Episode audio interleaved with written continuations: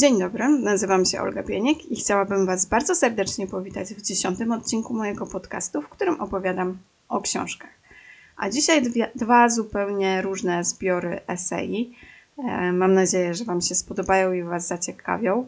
Mam też nadzieję, że za bardzo nie będzie słuchać na nagraniu, że mam trochę chrypkę, ale jest czwartek, a odcinek podcastu ukaże się w sobotę, więc nie za bardzo mam już czas, żeby czekać na moją lepszą kondycję zdrowotną. No, ostatnio nie jest najlepiej. I tak jak y, może słyszycie, troszkę y, tutaj chrypię i mam nadzieję, że nie będzie Wam to za bardzo przeszkadzało. Zobaczymy, jak to wyjdzie na nagraniu. Y, te dwa zbiory esei, które Wam przygotowałam, to Nadzieja w mroku Rebeki Zolnit w przykładzie Anny Dzierżgowskiej i Sławomira Królaka oraz zapiski syna tego kraju Jamesa Baldwina w przekładzie Mikołaja Denderskiego. E, obie książki zostały wydane nakładem wydawnictwa Charakter.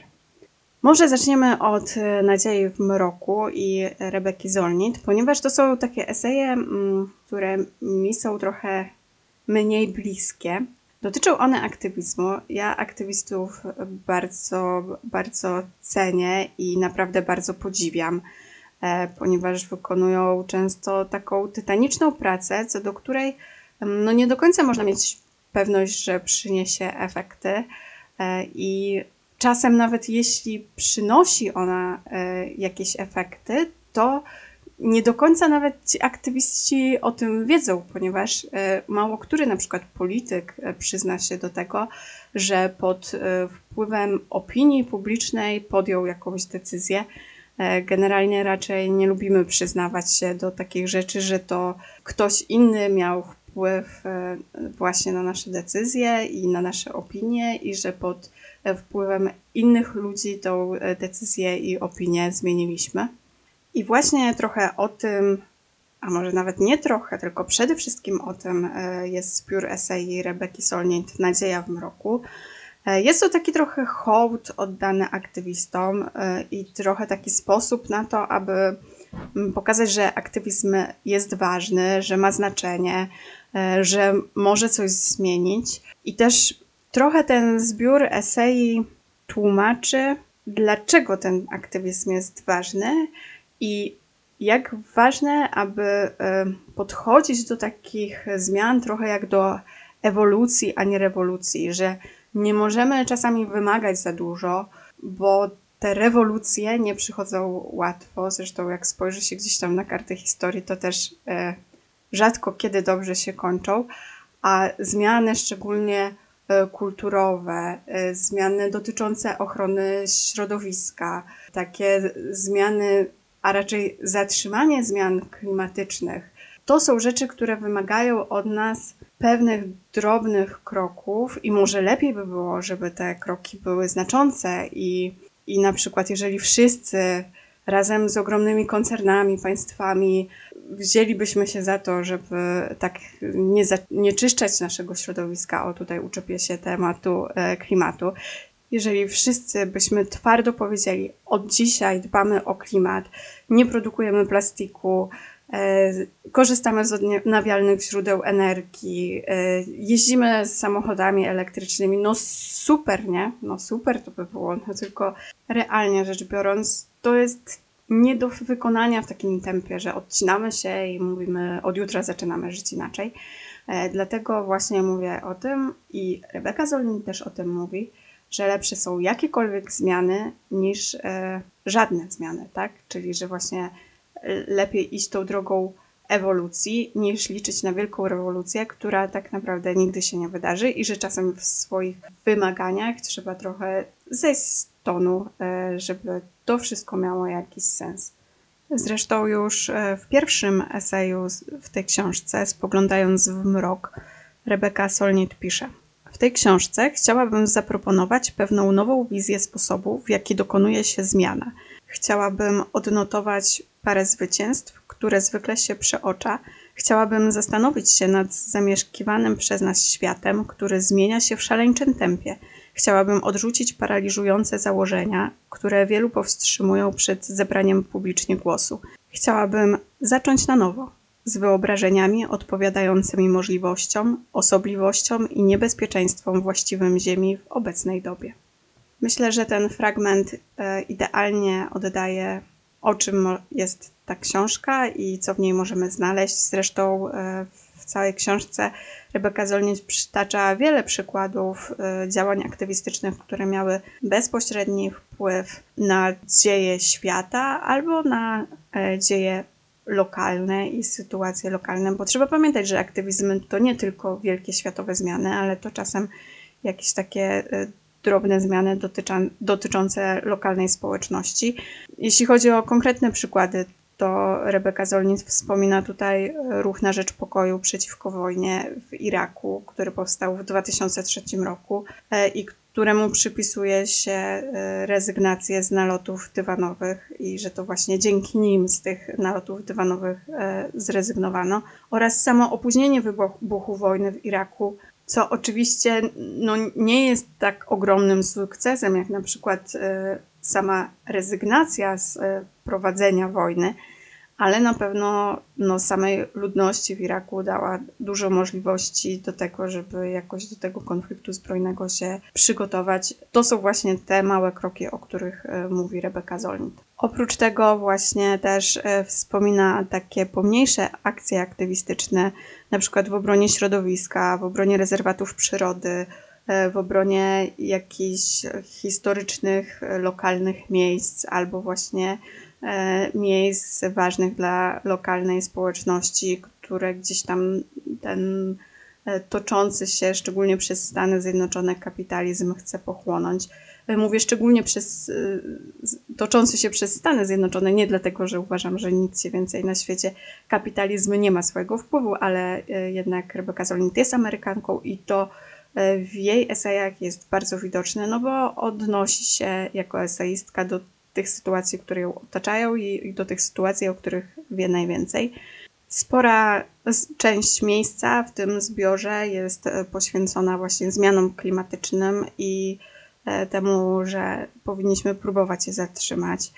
Rebeka Zolnit w ogóle przez e, całą tą książkę przeplata gdzieś takie stwierdzenie, że aktywizm często sprowadza się do tego, że mogło być gorzej, i to daje nadzieję. Bo wiadomo, że zawsze mogło być lepiej, ale w momencie, kiedy spojrzymy na daną sytuację tak, że gdybyśmy czegoś nie zrobili, gdybyśmy nie zaczęli protestować, gdyby nie ci y, aktywiści, to mogłoby być jeszcze gorzej niż jest i y, w tym tutaj Rebeka Zonit y, doszukuje się nadziei. Jak już jesteśmy przy kwestiach klimatycznych, y, które no bez dwóch zdań dla Rebeki Zolnic są bardzo ważne, to mam jeszcze jeden fragment, który fragment, który najbardziej mi się spodobał w całej tej książce i który uważam daje dużo do myślenia i rzadko może myślimy w ten sposób. I może do niektórych osób, które uważają, że zmiany klimatyczne nas nie dotyczą, że one są w ogóle nieistotne, nieważne, że są poważniejsze problemy, to pozwolę sobie przeczytać. Tuż przed Marszem na Rzecz Klimatu zaczęłam się zastanawiać, jak za 50 lub 100 lat ludzie będą patrzeć na nas, żyjących w epoce, w której zdaliśmy sobie sprawę ze zmian klimatycznych, w której tak wiele można jeszcze było zrobić, o wiele więcej niż zrobiłyśmy i zrobiliśmy. Być może nas znienawidzą lub będą nami gardzić, może będziemy w ich oczach tymi, którzy roztrwonili ich ojcowiznę, jak pijacy i hazardziści przepuszczający rodzinną fortunę. Przy czym w tym wypadku ową fortuną, należącą do wszystkich, jest Ziemia. Jej środowisko przyrodnicze, cały świat, gdy jeszcze funkcjonował dobrze. Będą patrzeć na nas jak na ludzi, którzy ustawiali porcelanę na półkach, kiedy płoną domy. Będą myśleć, że szaleństwem z naszej strony było przejmowanie się celebrytami, przelotnymi skandalami politycznymi i tym, czy nasze ciała są wystarczająco zadbane. Będą myśleć, że codziennie na pierwszych stronach gazet powinna była się znajdować gigantyczna ramka głosząca – jest tu mowa o różnych sprawach, jednak klimat jest najważniejszy, że każde wydanie telewizyjnych wiadomości powinno się było zaczynać czymś podobnym, codziennie. Pomyślą, że powinniśmy byli własnymi ciałami blokować lokomotywę zniszczenia, podnieść nasze głosy aż do nieba, zatrzymać wszystko, póki nie zatrzymamy zniszczeń. Będą błogosławić i wychwalać nieliczne i nielicznych i przeklinać wielu. Myślę, że to świetny fragment. I mam nadzieję, że tym fragmentem, który zresztą jest yy, jednym z ostatnich e, w tej książce, zachęciłam Was do lektury Rebeki Solnit, Można tutaj trochę zarzucać, że przez całą książkę jest mielony dosyć podobny temat, ale myślę, że każdy esej jednak nadaje jakieś nowe spojrzenie, dlatego naprawdę warto sięgnąć po ten zbiór i trochę otwiera oczy, trochę daje właśnie takiej nadziei, że warto działać i że aktywizm jest ważny. Nie jest mi on tak bliski jak eseje Jamesa Baldwina, bo Rebecca Solnit czasem moim zdaniem jest taką trochę optymistką. Nie chcę użyć słowa niepoprawną optymistką, ale optymistką, którą ja niestety patrząc na świat nie jestem. I może trochę też y, próbowałam się od niej tego optymizmu nauczyć. E, no ale jednak eseje, do których za chwilę przy, przejdę, czyli e, zapiski syna tego kraju Jamesa Baldwina, są mi dużo bliższe. James Baldwin, wybitny amerykański pisarz i działacz e, na rzecz praw obywatelskich. To jest to, co trzymam teraz w ręku, choć wy tego nie widzicie. To jest pierwsze polskie wydanie właśnie głośnego tomu esejów tegoż oto pisarza. To są eseje, które bardzo mi się podobały. Ja już nie pamiętam, żebym tyle fragmentów w książce e, zaznaczyła e, i tyle notatek ołówkiem w niej porobiła. Najchętniej to bym Wam po prostu usiadła i ją przeczytała, ale spróbuję Was zachęcić do tego, że warto po nią sięgnąć. Książka ta podzielona jest na trzy części. Każda z tych części zawiera kilka esei. Część pierwsza odnosi się do znanych dzieł literatury i filmu. E, mówię znanych, bo to są dzieła e, znane i zaliczane do kanonu, ale w, e, w Stanach Zjednoczonych. Mm, mi te dzieła nie były znane i z tego, co zdążyłam gdzieś tam poczytać i się zorientować, to wiele osób tak miało, co trochę od, utrudnia odbiór tych pierwszych esei. Ja mimo wszystko nie miałam z tym aż tak dużego problemu. Wydaje mi się, że jeżeli ze spokojem się w nie e, wczytamy, to mimo, że może e, cała książka, cały film nie jest nam zdany, mm, to James Baldwin na tyle dobrze o tym opowiada, że przedstawia cały kontekst problemu. I to daje taką możliwość zrozumienia, o co mu chodzi, bez znajomości właśnie pojedynczych e, dzieł no, kultury i sztuki, jakkolwiek by je tam zaklasyfikować. Opowiada o takich e, dziełach, które miały oddać głos e, Afroamerykanom, które miały być ukłonem w stronę tej czarnej ludności zamieszkującej Stany Zjednoczone.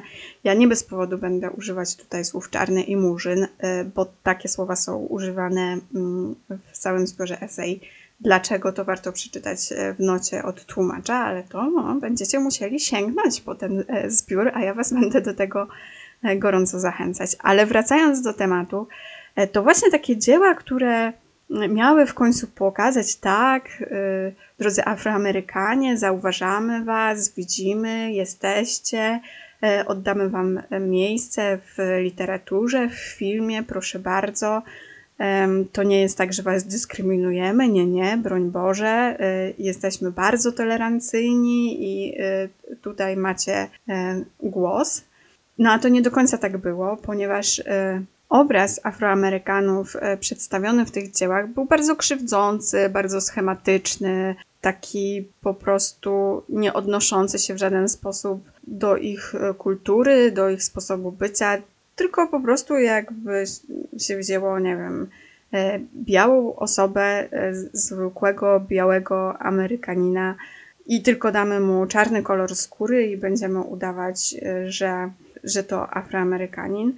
Albo w ogóle poszli twórcy w zupełnie inną stronę, jeszcze bardziej krzywdzącą, czyli utwierdzili wszystkie możliwe stereotypy e, na temat e, afroamerykańskiej kultury i na temat e, społeczności afroamerykańskiej.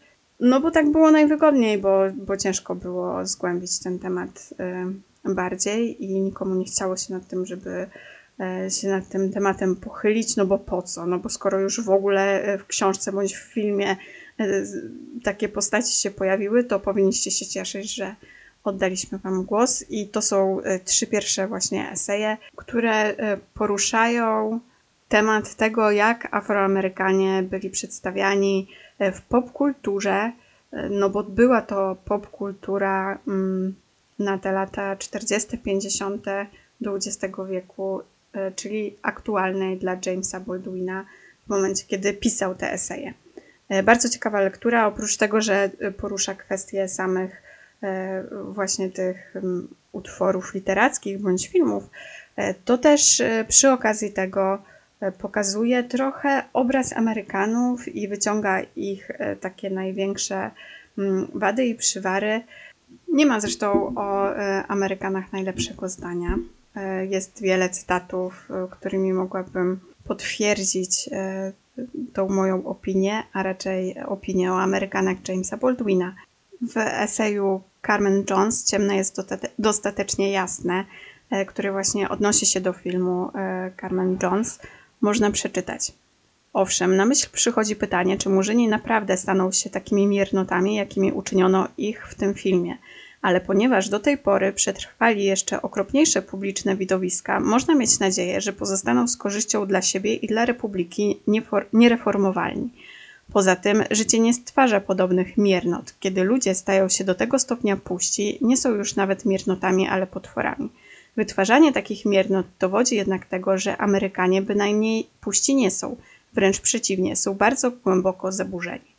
I takich e, cytatów, trochę może złośliwych, a trochę prawdziwych, e, o Amerykanach można e, w tych esejach Jamesa Baldwina znaleźć naprawdę, naprawdę bardzo wiele. I wiele można znaleźć tutaj ciekawych spostrzeżeń. No ale ja jestem praktycznie cały czas przy tej części pierwszej, a jest jeszcze część druga. Mi się wydaje, że najciekawsza i chyba najbardziej mi się ta część druga podoba i odnosi się, znajdziecie w niej e, trzy eseje, Getto w Harlemie, Podróż do Atlanty oraz Zapiski syna tego kraju. I to są już e, dużo bardziej takie e, polityczne eseje i trochę społeczne eseje. Dużo bardziej przedstawiają one sytuację Afroamerykanów właśnie w, w tych latach 40., 50. w Stanach Zjednoczonych. Odwołują się do wtedy aktualnych, no teraz historycznych wydarzeń i naprawdę są bardzo ciekawe.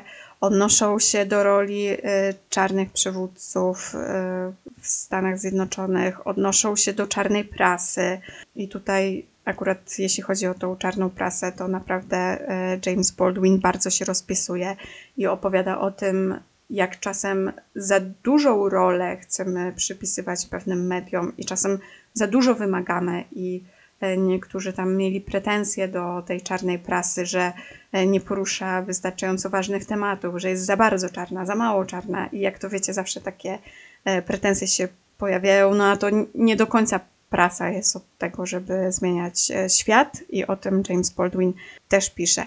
Porusza takie kwestie trochę otwierające oczy na świat, że czasem za bardzo na Afroamerykanów patrzymy jako na monolit że no to jest społeczeństwo jak każde inne i tam często ludźmi kierują po prostu ich indywidualne interesy i mają do tego prawo, bo nie zawsze musimy od wszystkich, e, znaczy wręcz powiedziałabym, nie możemy od wszystkich wymagać bohaterstwa. Każdy ma jakąś e, swoją indywidualną historię i jakieś e, swoje priorytety i swoje wartości, którymi kieruje się w życiu i póki nie krzywdzi drugiej osoby, to ma prawo do tego, żeby się też w tą e, politykę nie mieszać. Nie każdy musi być aktywistą i trochę też jest o tym, że właśnie czasem to te prywatne interesy stoją e, ponad dobrem całej społeczności i nie możemy mm, traktować całej dużej liczby ludzi jako monolitu, który powinien wyznawać te same wartości, mieć te same interesy, e, tak samo głosować w wyborach i tak dalej. W wielu tych swoich twierdzeniach e, James Baldwin bez dwóch zdań jest dużo mniej opty- optymistyczny niż Rebecca Zolnit. No ale tutaj po części drugiej przechodzimy do części trzeciej, czyli części, której, której eseje dotyczą e, pobytu Jamesa Baldwina we Francji. No to też są bardzo, bardzo ciekawe eseje i takie mm, może jeszcze inne e, spojrzenie na problem. E, tutaj też jest taki esej, który opowiada o pobycie Jamesa Baldwina w małej wiosce, której tak naprawdę, w której tak naprawdę osoby czarnoskórej nigdy w życiu nie widziano i no, wszyscy mu się przyglądają z taką ciekawością e, i zainteresowaniem, e, takim zainteresowaniem dla inności. No wiadomo, że e, James Baldwin nie czuje się z tym komfortowo i że nie jest to przyjemne i też różne swoje przemyślenia na ten temat przedstawia, ale też to mi pokazało, znaczy może to nie jest jakoś bardzo odkrywcze, ale zwraca uwagę na to, że mm, często to takie zaciekawienie innością, często E, niewłaściwe e, zachowania ludzi, e, często jakieś takie błędy, które popełniają, w żaden sposób nie wynika z ich złej woli. Często wynika to po prostu z braku świadomości kulturowej i tak naprawdę z takimi zachowaniami możemy mieć do czynienia również dzisiaj. Mm, pewnie już w trochę mniejszej skali, bo jesteśmy dużo bardziej świadomymi społeczeństwami, ale jednak cały czas tej inności często się boimy. E, już samo słowo inność e, jest no takie może nie do końca właściwe, bo tak się nie powinno mówić, no bo co to znaczy, że coś jest inne?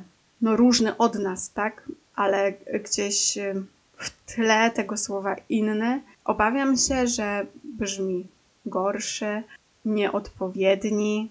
W momencie, kiedy używamy słowa inny, to trochę tak, jakbyśmy tą osobę klasyfikowali niżej niż siebie. Ale niestety chyba długo nad tym myślałam i nie mogę znaleźć lepszego słowa, bo inny i tak chyba jest lepszy e, od słowa chociażby obcy. Chociaż nie wiem, możecie dać znać, e, które słowo podoba Wam się bardziej, albo właśnie czy znacie jakieś słowo, które może określać różnorodność i taką różność od nas, no bo przecież różnimy się od nas, róż, różnimy się od siebie, różnimy się e, kulturowo, różnimy się obyczajami, różnimy się religią, różnimy się y, podejściem do polityki, różnimy się społecznie od siebie, e, różnimy się podejściem gospodarczym, no różnimy się od siebie i mm, no nie da się tego ukryć i to w ogóle jest wspaniałe, bo świat byłby nudny, jakbyśmy byli tacy sami,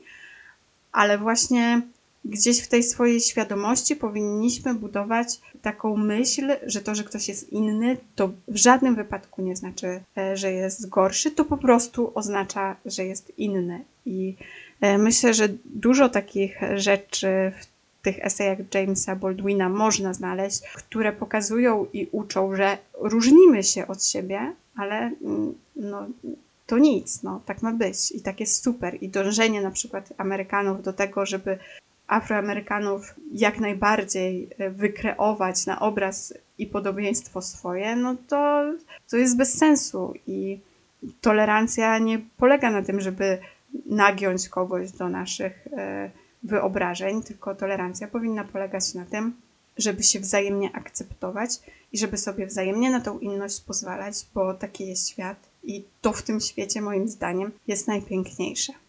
Dlatego eseje Jamesa Baldwina bardzo serdecznie Wam polecam. One wymagają e, trochę skupienia i uważności, no ale eseje z reguły wymagają takiej uważności i te eseje są naprawdę świetne i to są takie teksty, z którymi e, po prostu warto popracować i wiele się można z nich dowiedzieć i wiele wartościowych treści można z nich wyciągnąć. Tyle ode mnie na dzisiaj. E, mam nadzieję, że Wam się podobało. Jeżeli tak, to jak zawsze bardzo, bardzo serdecznie proszę o e, polecanie i podawanie mojego podcastu dalej. A na dzisiaj bardzo serdecznie Wam dziękuję i do usłyszenia za tydzień.